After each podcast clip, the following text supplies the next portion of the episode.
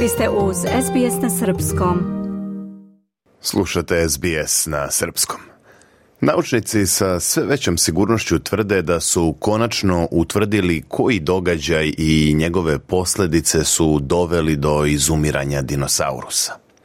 Odavno se veruje da je do kataklizme u kojoj su dinosaurusi nestali doveo udar asteroida u zemlju, ali sada je precizirano i kad i gde se to odigralo, kao i koji je to faktor odigrao ključnu ulogu za pomor živih bića koji je usledio. Kako je objavila grupa istraživača u naučnom magazinu Nature Geoscience, do izumiranja vrsta došlo je usled udara velikog asteroida koji se odigrao pre 66 miliona godina. Asteroid prečnika između 10 i 15 kilometara udario je u poluostrvo Jukatan u današnjem Meksiku i izazvao razorne požare, zemljotrese i mega tsunamije koji su doveli do potpunog kolapsa tadašnjeg ekosistema u kom su bujali biljni i životinski svet. Istraživači su u izveštaju izrazili uverenje da su prethodne studije zanemarile ulogu još jednog efekta, a to su gigatoni prašine koja se podigla u vazduh prilikom udara asteroida vođa istraživačkog tima Jemberg Schenel iz Belgijske kraljevske observatorije, rekao je za magazin Newsweek da studija pokazuje da su ogromne količine fine silikatne prašine nastale iz usitnjenog kamena mogle da odigraju daleko značajniju ulogu u izumiranju vrsta nego što se prvobitno mislilo. Fina silikatna prašina iz usitnjenih stena nastala usled udara asteroida Čiksuluba najverovatnije je dovela do posljednjeg masovnog izumiranja kroz poremećaj fotosintetičke aktivnosti u oblastima kopna i okeana, kazao je Chanel.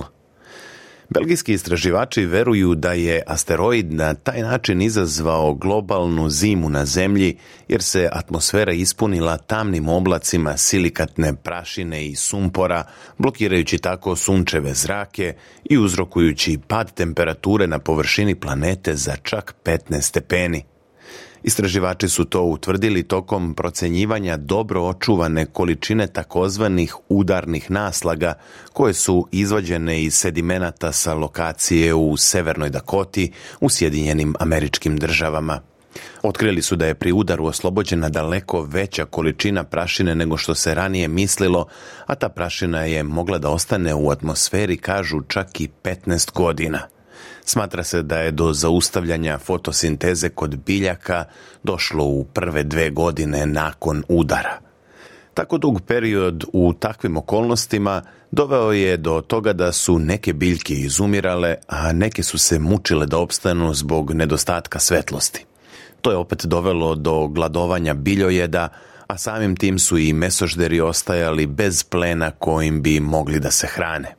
U tom prekinutom lancu ishrane došlo je i do masovnog izumiranja čak 75% vrsta na zemlji.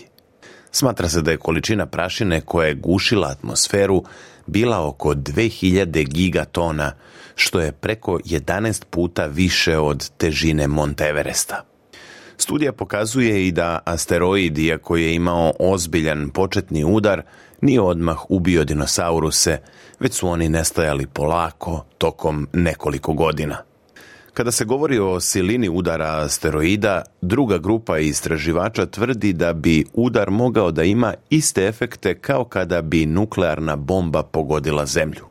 Britanski Independent piše da je u naučnom istraživanju objavljenom prošle godine, a koje je predvodila profesorka Državnog univerziteta Luizijane Shirley Harrison, Ocenjeno da su dim i crni ugljenik koji su poslati u atmosferu blokirali sunce i stvorili malo nuklearno ledeno doba.